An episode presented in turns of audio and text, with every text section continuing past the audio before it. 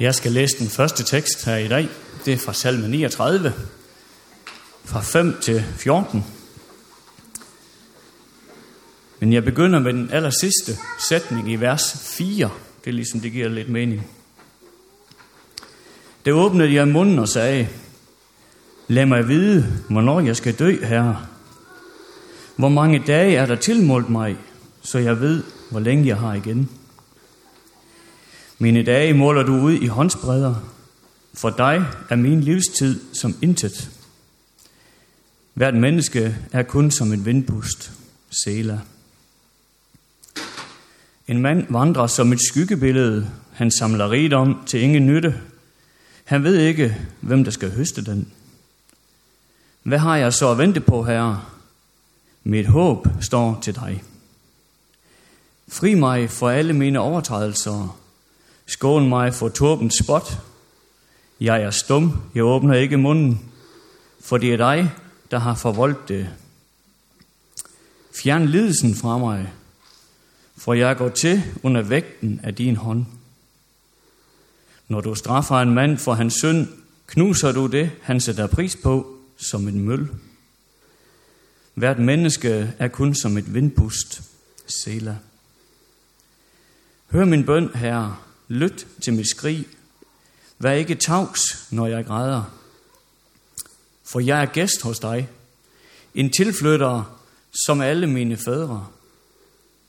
Vend dit blik fra mig, så jeg bliver glad igen, før jeg går bort og ikke er mere. Og vi vil fortsætte med at læse fra Johannes evangeliet. Derefter var det en af jødernes fester, og Jesus tog op til Jerusalem. Ved forporten i Jerusalem er der en dam, som på hebraisk hedder Bethesda. Den har fem søjlegange, og i dem lå der en mængde syge, blinde, lamme og kryblinger, som ventede på, at der skulle komme bevægelse i vandet. Til side for hans, herrens engel, nem ned i dammen og bragte vand i oprør, og den første, der kom ned i vandet, efter det blev bragt i oprør, blev rask, hvilken sygdom han endled af. Der lå en mand, som havde været syg i 38 år. Da Jesus så ham ligge der og vidste, at han allerede havde været der i lang tid, sagde han til ham, Vil du være rask? Den syge svarede, Herre, jeg har ikke et menneske til at hjælpe mig ned i dammen, når vandet er bragt i oprør, og mens jeg er på vej, når en anden i før mig. Jesus sagde til ham, Rejs dig, tag din borger og gå. Og straks blev manden rask, og han tog sin borger og gik omkring.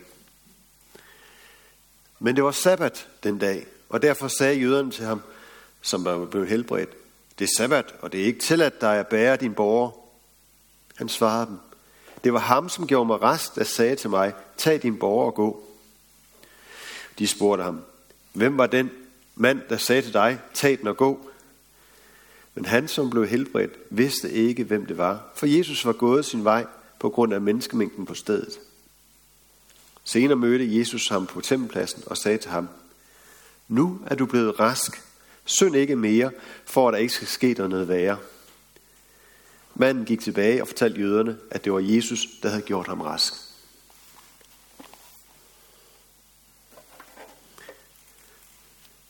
Ja, Herre, bed om, at du må åbne vores ører, så vi kan høre dit ord til os. Bed om, at du må åbne vores øjne, så vi kan se dig i det. Bed om, at du må åbne vores hjerter, så du kan trænge hele dagen, hvor det virkelig betyder noget. Amen.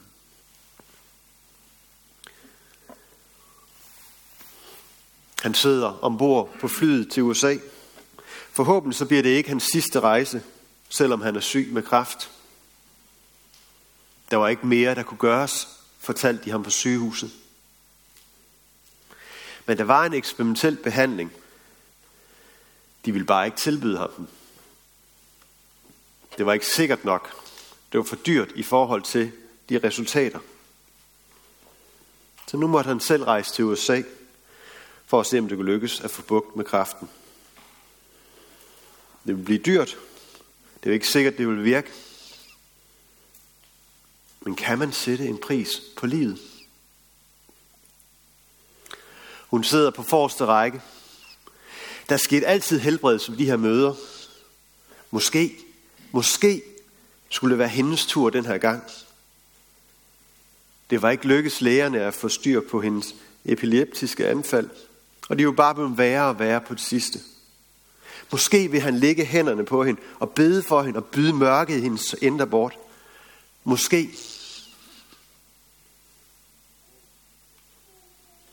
Når vi er uhelbredeligt syge, når vi er løbet tør for realistiske muligheder, når vi sidder i en håbløs situation, så bliver vi mennesker desperate. Og vi er villige til at tage chancer. Vi er villige til at sætte vores lid til muligheder, som vi ellers øjeblikkeligt vi har set bort fra i en normal situation.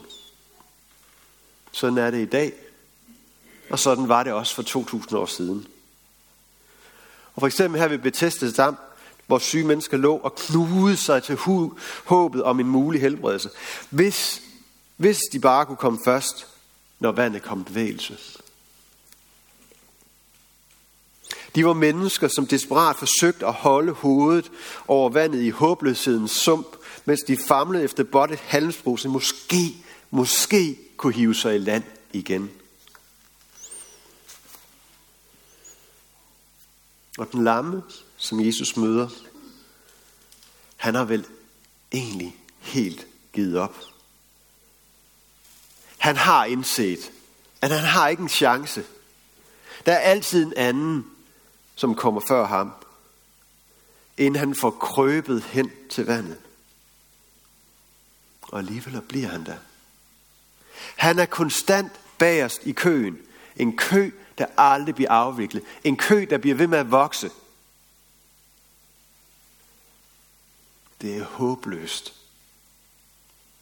Men alligevel bliver han der.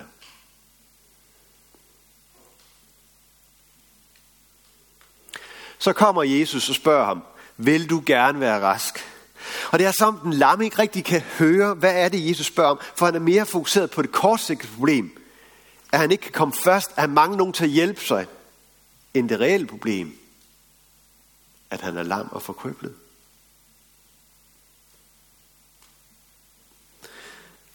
Måske håbede han bare på, at Jesus, denne flinke mand, der nu har snakket til ham, blev der en stund, og hvis nu, at vandet kom i vægelse, så vil han hjælpe ham hen, når det var tid. I virkeligheden var han ikke i stand til at se Jesus som sin frelser. Og her skal frelse forstås på flere forskellige måder. Både i forhold til helbredelse, men også på et dybere niveau. Han var ikke i stand til at se Jesus som sin frelser, fordi at hans sygdom fyldte hele hans synsfelt. Han kunne ikke se andet end det. Han kunne ikke se andet end håbløsheden.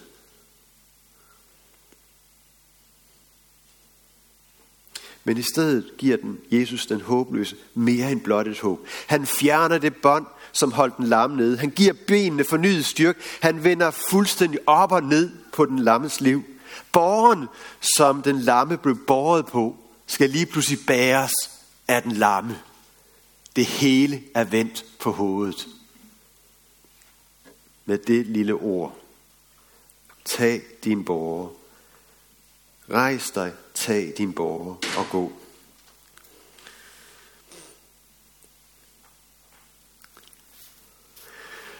Ud af dagens tekst, så bliver det tydeligt, at selvom der er mange syge og forkrøblede mennesker, mange nødlidende mennesker ved Bethesda stam den dag, så helbredte Jesus kun én mand.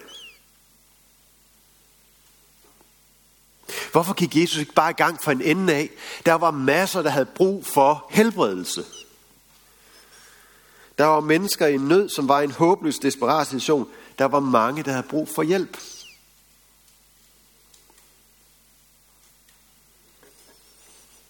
For det første, så er det en forkert måde at stille op på.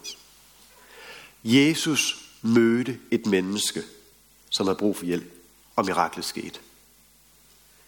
Og det er sådan set det gennemgående tema, når vi læser om helbredelser i Ny Det er,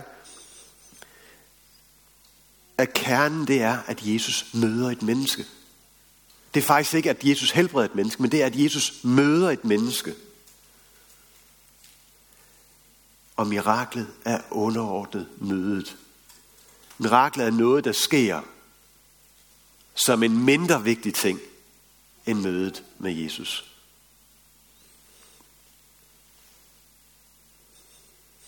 For det andet, så er formålet med mirakler, med miraklet, det var at fjerne forhindringer, der stjæler vores opmærksomhed. Den lamme kunne ikke se Jesus, fordi han var fokuseret på at komme i vandet til tiden. Bemærk, den lamme lagde ikke engang mærke til, hvem Jesus var, før det andet møde. Han anede ikke, hvem det var, der havde øh, helbredt ham. Det var først ved det andet møde, hvor at det umiddelbare problem var kommet vejen. At den umiddelbare forhindring var kommet vejen. At han var i stand til at se Jesus.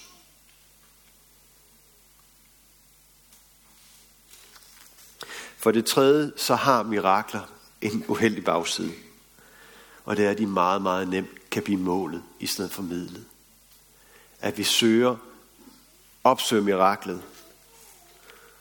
At vi opsøger Jesus for at se miraklet, i stedet for at miraklet kan vise os Jesus.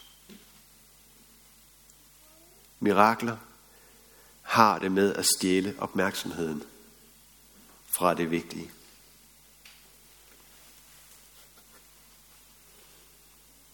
Har vi brug for et mirakel i dag? Har vi brug for at kunne få øje på Jesus? Et mirakel, der kan ruske op i os og kunne hjælpe os med at fokusere på det væsentlige. Sygdomme og andre altopslugende ting kan fylde meget af vores bevidsthed. De kan let overvælde os, vælte os som kul og efterlade os fortvivlet og forskræmte. Og det er helt i orden. Du skal ikke være noget supermenneske. Du skal bare være Guds barn. Og børn, noget af det, de er sig ved, det er, at de tør godt være bange.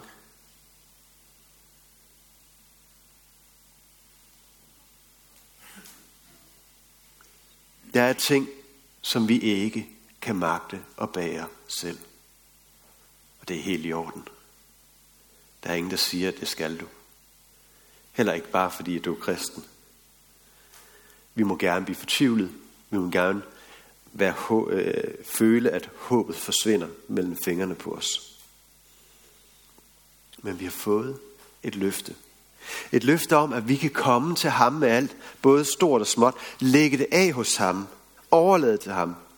Det er ikke sikkert, der sker et mirakel, når vi er hans hænder, men vi må være trygge ved, at han har styr på det. Har vi brug for et mirakel? Måske. For et mirakel kan tage mange former. Og nogen bliver kun bemærket, hvis man kigger efter det. Den dag ved tempelpladsen var der lige pludselig en mand, der rejste sig op og gik sin vej. Hvem bemærkede det? Ingen. Ingen overhovedet bemærkede det. Der var bare en, der rejste sig op og gik. Det pudsige det er, at det faktisk kun bliver bemærket, fordi der er en mand, der går rundt på en borger, og så er der nogen, der siger, hov, det må du ikke. Det er kun fordi, det er på en sabbat, at miraklet øh, bemærkes, fordi han bærer på sin borger og laver et arbejde på hviledagen. Guds dag. Der må ikke arbejdes, der må ikke slippes rundt på en borger. Det er mildest ikke passen på en sabbat. Så det vi opdagede. Og selv er de, da de forhører ham, hvem er, hvad er det for noget, du gør her? Så kan de ikke engang forundes og glædes over miraklet. Fordi de har ikke set miraklet. De ser bare en mand, der ikke har forstået, hvad sabbaten går ud på. Det er ikke alle mirakler, der bliver set. Jeg tror faktisk, at de allerfleste mirakler, dem ser vi ikke, før vi ser dem med Guds øjne.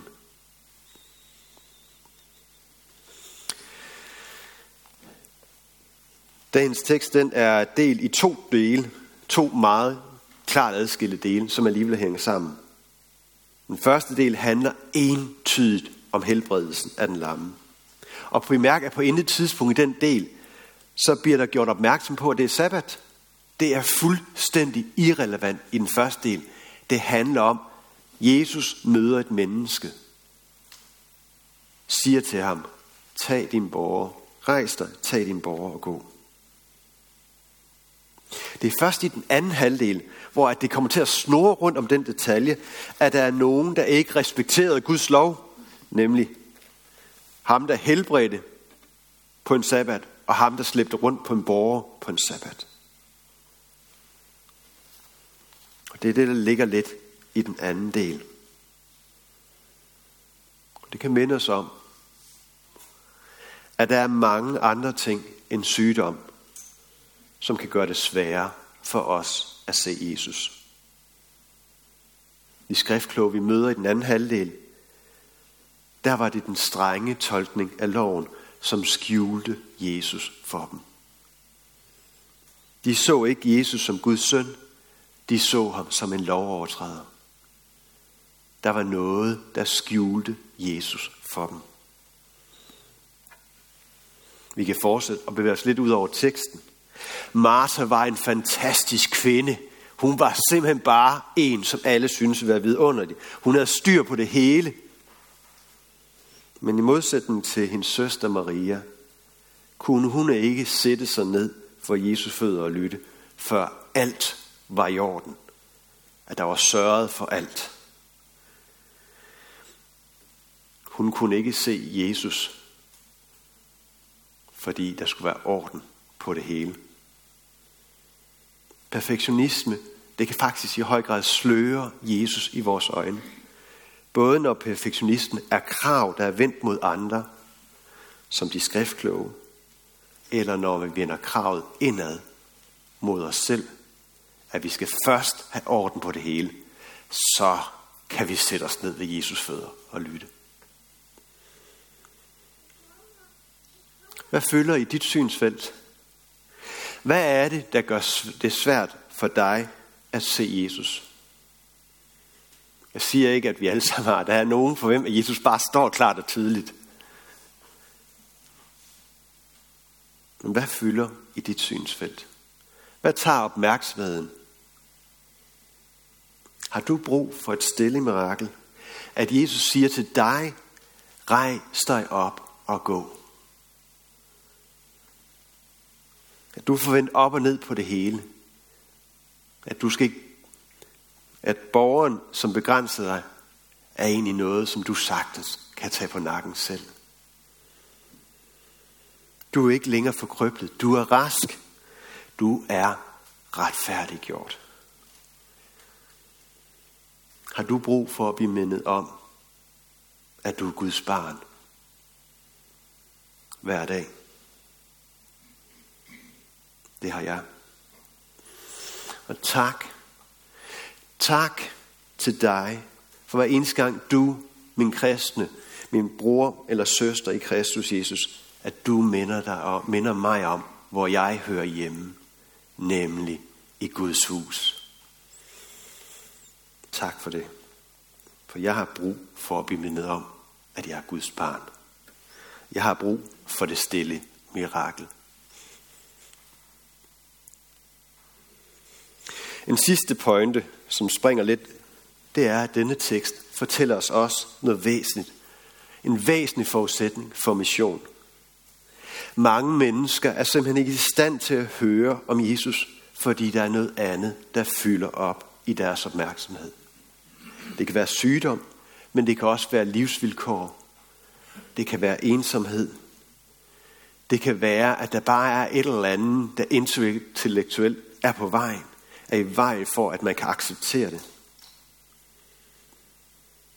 Diakoni og mission går hånd i hånd. Og ligesom Jesus starter egentlig med det væsentlige, at fjerne forhindring for, at de egentlig kan se ham, før han faktisk viser sig som sin deres frelser, så må vi ofte først hjælpe et menneske. Lytte til dets historie. Lad det fortælle, hvad, hvem han er hvem hun er. Det, Vi har brug for at involvere os i et menneske, før han eller hun overhovedet er i stand til at kunne høre om Jesus. Vi må møde mennesket først, før vi kan præsentere Jesus. Vi skal gå ud og være et stille mirakel. Amen.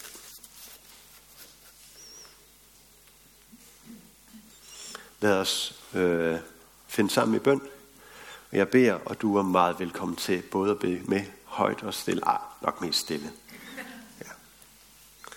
Jesus, vi takker dig for fællesskabet omkring gudstjenesten. Tak, fordi vi kan mødes i frihed og tilbede dig. Styrk os i indbyrdes kærlighed.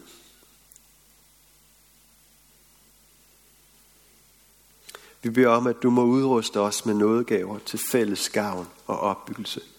Lær os at række ud over egne behov.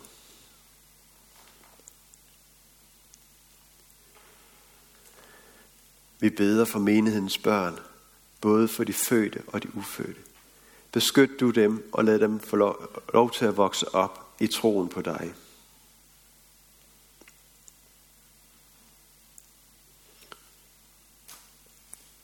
Vi beder for menighedens konfirmander og unge, for deres liv og vækst i troen.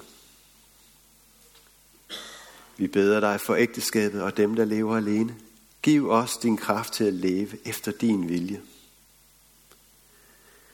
Vi beder for Skjern by og omegn, at du, Jesus, må blive kendt, troet, elsket og efterfulgt.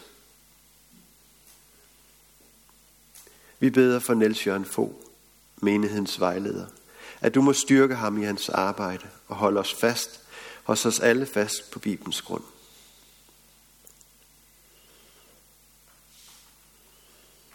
Vi beder dig om, at du vil være nær hos alle, der er ramt af sorg og sygdom og lidelse. Giv os mod til at være til stede og visdom til at lindre smerten hos hinanden. Og vi beder også særligt om, at du må være med alle de mennesker, der er ramt af både utryghed og usikkerhed, og er, der er kommet med coronavirusen. Bed om, at du må have en særlig opmærksomhed på alle dem, der arbejder i sundhedsvæsenet. Hjælp du dem til at kunne have mod på tilværelsen, og bed om, at du må helbrede de syge at du må lade smitten komme og gå lettere hen over vores folk.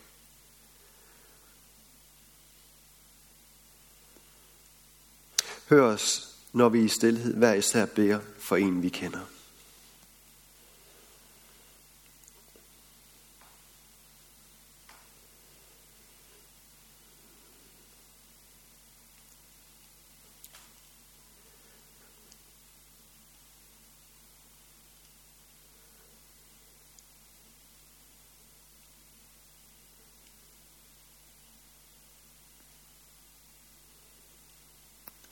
Vi beder dig for din kirke.